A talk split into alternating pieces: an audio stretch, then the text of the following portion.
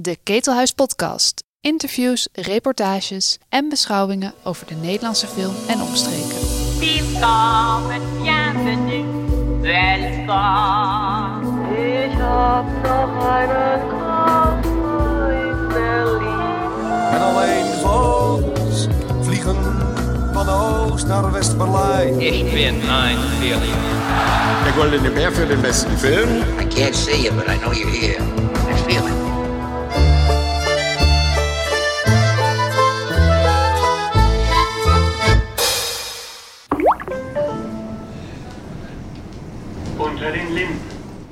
Ze heet Nena van Driel en haar naam duikt liefst drie keer op in de Generation-sectie, zeg maar de jeugdafdeling van het filmfestival van Berlijn. Ze schreef de scenario's voor de korte films Magma van Luca Meisters en Ma mère et moi van Emma Branderhorst. En dan ook nog eens het scenario voor Kiddo, het speelfilmdebuut van Zara Dwinger. In Berlijn kwamen we Nena van Driel zomaar tegen. Ja, jouw naam duikt drie keer op in het festival. Je moet een beetje goed zoeken, maar dan staat er wel degelijk Nena van Driel daarover als scenario schrijver. Menigeen zal zich afvragen, wie, wie, waar komt die vrouw nou eigenlijk vandaan? Ja, waar kom ik ineens vandaan? Ja, uit, eh, uit, mijn- uit mijn huisje eh, na, na jarenlang eh, typen in één keer, ja, alles of niets zeg maar. In één keer ben ik er. Maar eh, waar ik letterlijk vandaan kom is uit Friesland. Uit, eh, ja, dus ehm, ja, wat, ja, dat. En wa- wat deed je na Friesland? Na Friesland eh, ben ik eh, naar, eh, ehm, ja, naar Amsterdam verhuisd. en kom ik eigenlijk origineel van het theater, van een theateropleiding. En daarna ben ik scenario gaan studeren aan de filmacademie. En ja, dus nu sinds vijf jaar afgestudeerd. En ehm, nou ja, dus, dus eh, eh, allemaal verschillende dingen ontwikkeld. Maar het komt nu allemaal tegelijk uit. Dus, eh, dus ja, dus vandaar. ehm, ja. Maar is er al eerder iets van jou verfilmd?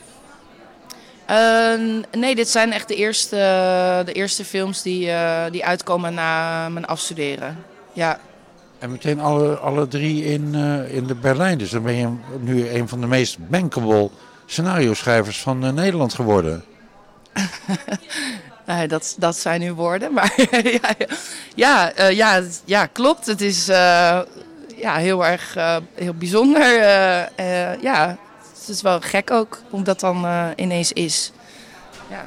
Nou, dan gaat Floortje nu een analyse geven van de overeenkomsten van je drie eh, films. Ik wilde iets heel anders vragen. Je hebt eigenlijk je hebt drie hoofdrolspeelsters. zijn allemaal, eh, nou ja, misschien eigenlijk is het wel hetzelfde. Je, jouw films gaan eigenlijk over vrouwelijke hoofdrolspeelsters, ehm, jong, eh, en hun relatie met hun ouders. Wat is, eh, heb je een lievelingspersonage momenteel hier op het festival? Oei. Ehm, lievelingspersonage. Nou, nee, ja, ik, ik, ik, ik, vind ze alle, ik vind ze allemaal te gek. Dus ik weet niet of echt een lievelingspersonage. nou, ik ben, eh, eh, maar dat geeft misschien niet helemaal antwoord op de vraag. Maar ik ben wel echt ongelooflijk trots op, op, op Rosa, die, die Loes speelt. Ja, eh, in de speelfilm en ook hoe zij hier op het festival eh, ermee omgaat met, met die aandacht en zo. Dat vind ik, dat, is misschien niet al op het personage, maar ik ben wel echt, echt ongelooflijk trots op haar. Hoe zij dit eh, heeft gedaan. En eh, Nou ja, het is natuurlijk ook te gek, want je bedenkt iemand en dan vervolgens geeft iemand daar lichaam aan. ja, ja, dat is wel, dat vind ik wel echt, eh, echt magisch. Inderdaad, zo die eerste, eerste films, om dat dan dus ook voor het eerst dan op groot scherm te zien. En eh, ja, dat is bijna een soort droom of zo. Je hebt, eh, bent er dan helemaal met de speelfilm natuurlijk, je bent er zo lang mee bezig. We hebben er, er drie, bijna vier jaar ben je aan het ontwikkelen.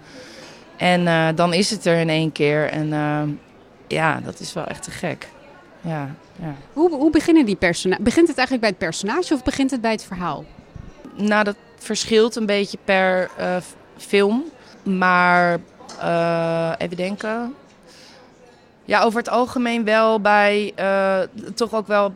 Ja, soms lastig, hè? Waar, waar begint het nou eigenlijk? Maar bij ook wel thematiek, onderwerp. Ik denk dat dat bij alle drie wel echt duidelijk was. En dat, dat een, een, een duidelijke eh, eh, ja, ofwel dus thematiek of, of onderwerp. Bijvoorbeeld bij Emma's film, weet je wel, die, die complexiteit van die moeder-dochterrelatie. En dat punt dat je als tiener zeg maar los wil breken van je ouder. Weet je wel, dat, dat was wel een heel duidelijke situatie waar zij iets mee wilde doen. En, ehm, maar bij Magma bijvoorbeeld van Luca, daar was wel echt wel heel duidelijk, had zij een personage voor ogen. Uh, en eerst was dat ook een ander verhaal. En uh, dat is dus nu uiteindelijk dit geworden. Maar dit, dat personage stond er wel echt al. En daar um, kon ik me heel goed in vinden. Ja. Zit er dan iedere keer ook een deel van jezelf in die personages? Ja, ja, denk ik wel. Ik denk dat het bij Magma wel het meest duidelijk is. Want dat is ook deels autobiografisch. Dus ik denk dat ik in die zin um, wel... Uh, ja, dat ik me daar wel, daar wel heel verbonden mee voel. Ja. Ja, ik vraag dan toch maar hoe autobiografisch is dat dan? Denk ik meteen aan een, vader met een motorongeluk.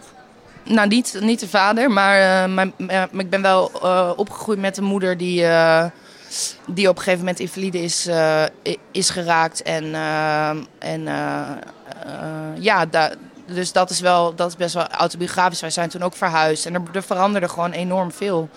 Dus dat is wel autobiografisch. En het, en het gedeelte van het uh, uh, liegen eigenlijk, het, wat, wat de rol die, dat speelt in de film, dat ligt dan weer bij Luca.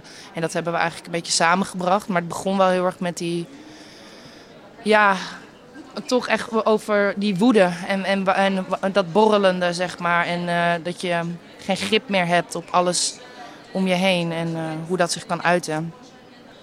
En hoe zit het dan met Kiddo? Er zit een soort onbereikbare af, afwezige moeder in natuurlijk. Vader is überhaupt, Kom, wordt niet eens genoemd. Nou ja, waar we het wel eerder ook al over hebben gehad. Het soort van het, het onconventioneel ouderschap was wel iets wat bij wat Sarah en ik allebei uh, wel herkennen. En waar we wel iets over wilden vertellen. Dus dat is wel iets waar, uh, waar we ergens wel inspiratie uit hebben gehaald. Maar het, verder is de film, zeg maar, en, en de uitvergroting, dat is natuurlijk bij Kiddo. Hè? Het is echt allemaal best wel larger than life. Dat is, dat is uh, zeker fictief. Je had net eens een Q&A naar Kiddo. Wat was de, de meest verrassende vraag die je kreeg? Van de kinderen neem ik aan, hè? Ja. Uh, de meest verrassende vraag? Ja, goh. Um, nou, het is misschien niet heel verrassend, maar gewoon dat ze heel erg ook vragen als was die wond echt? Uh, is die slang van jou? Uh, dat, dat, dat, ja, dat, dat, dat, uh, dat is gewoon. Dat is gewoon grappig. zijn jullie zelf ook criminelen? Of gewoon een soort van. Ja, dat soort dingen. Dat is wel heel erg. het is gewoon heel speels natuurlijk. De slang Henk, ja. Henk, ja. Henk, ja. Henk, slang. Ja. ja. Slang is het meest verschrikkelijke deel van de film. Vond dat doodeng. Oh ja? Ja, ik ben zelf ook super bang voor slangen. Um, ik vond het vooral heel zielig. Ja, heel zielig. Ja, dat is het. Ja, oh, ja, dat ze die kwijtraakt. Ja, ja dat is. Uh, nou, Rosa heeft echt. Uh, die, de slang is eerst ook twee weken bij haar gaan wonen. En uh, de slang hier heette eerst eigenlijk ook Simon. En, maar zij heeft hem Henk genoemd. En daar kreeg ik ook nog een appje van: Is het oké okay als hij nu Henk heet? Ja, tuurlijk. Henk is een veel betere naam voor de slang. Maar daar hebben we ook weer heel veel geluk mee gehad. Dat Rosa was echt uh, helemaal niet bang. En uh, waren meteen uh, de beste vrienden. Dus ja, dat scheelt weer. Hoe, hoe werk je eigenlijk met die regisseurs? Hoe komen jullie bij elkaar? Um, nou, Zara en ik, bij, wij zaten bij, in hetzelfde jaar op de filmacademie. Dus wij hadden ook al op de filmacademie een keer een korte film gemaakt. Emma en Luca hebben mij benaderd om, voor het scenario, zeg maar. dus toen zijn we eerst gaan praten en ja, klikte dat dan goed. En, ja. Geef je je materiaal aan iedereen? Of ik mijn materiaal aan iedereen geef? Uh, nou, nee. en wat moet een regisseur hebben dat je denkt, oké, okay, nu geef ik dit. Of dan wil, ik er, dan wil ik erin investeren? Nou ja, ik denk dat het in eerste instantie is... Ja, is er zeg maar een klik. En ook als je met elkaar gaat, gaat, gaat brainstormen, zeg maar... Is dat, waar komen we dan? En is dat, is dat zeg maar iets waar nou, en nu was het natuurlijk ook wel heel typisch. Drie films met die ouder-kindrelatie. Dat voelde daarna ook wel, ja, dit is nu ook wel echt uitge, uitgespeeld. En grappig genoeg word ik daar dus nu juist ook wel weer dan dus voor benaderd. Um, maar ik denk dat dat verhaal nu wel eventjes verteld is. Eh, maar wat, sorry, wat was ook weer de vraag? Nou, wat, wat een regisseur moet hebben voordat jij denkt van ik ga zo'n project aan. Ik, ik geef mijn materiaal, hetgeen wat ik verzonnen heb, in iemands anders handen om er vervolgens mee verder te gaan. Ja, ja, ja, ja, ja. Ja, dat is bij, alle drie wel zo eh, eh, samen ook ontstaan. Zeg maar het, eh, het script. Maar in eerste instantie is het wel... Ja, dat kan dan bijvoorbeeld zijn dat ik, dat ik dat, dat die, de regisseur interessant vindt wat hij doet qua toon of, of vorm. Of dus juist heel erg het onderwerp. Eh, ehm, Emma in die zin, die had gewoon al heel helder een, die dynamiek voor ogen. eh, eh, eh, die ze neer wilde zetten. En daar kon ik zo eigenlijk vrij makkelijk op, in, op inhaken. Dus, dus dat. Maar nu, op dit moment maak ik ook wel weer op een andere manier keuzes. In, ik wil nu ook weer iets heel anders doen. Of in een compleet ander genre. Geen coming of age. En ja, ik wil nog zoveel verschillende dingen ontdekken. En dus ja. Dus je werkt nu aan een science fiction film over een jongen, man. Nou, grappig genoeg heb ik wel inderdaad net een science fiction film geschreven. Ehm, maar dat, eh, eh, dat is eh, een science fiction gangsterfilm. net geschreven, ja. En daar, daar, ouders spelen daar geen enkele rol. ja. Wat is er, laten we zeggen, het komende jaar nog van jou te zien? Is er al, wordt er al iets gedraaid wat je geschreven hebt? Nou, er komt nog een speelfilm die ik co-geschreven heb met Stephanie Kolk. Die is al gedraaid en die is nu, eh, zit nu in de postproductie. Die is bijna klaar. Eh, dus die komt ook uit dit jaar. En eh, Hoe heet die film? Melk heet die film. Ja, ja dus die, is, ja, die gaat dit jaar ook in première. En nu ben ik weer aan het schrijven. En, en dus die science fiction film die wordt, is op- wordt op dit moment gedraaid. Ja, ja. Toch nog weer even die huishoudelijke vraag. Kan je ervan leven in Nederland? Ehm, ja, het kan wel. Maar eh, ja, nee, het kan, het, eh, het kan zeker. Maar het, het is niet een. eh, het is zeker geen vetpot. Op dit moment, grappig genoeg, ben ik, heb ik nu weer even een bijbaantje. Omdat, omdat ik dus juist. Het ligt ook een beetje aan wat voor keuzes je maakt, zeg maar. Of waar je in investeert. En helemaal met het schrijven van speelfilm. Zeg maar hoe eh, veel tijd je daarin investeert ten opzichte wat je daar eh, betaald voor krijgt. Dat is, dat is compleet niet in verhouding met elkaar. Wat is je bijbaantje dan? Ik ben op dit moment gyros-bakker ook. Nou, vind ik wel lekker. Heel lekker. Vegetarische gyros. Ja.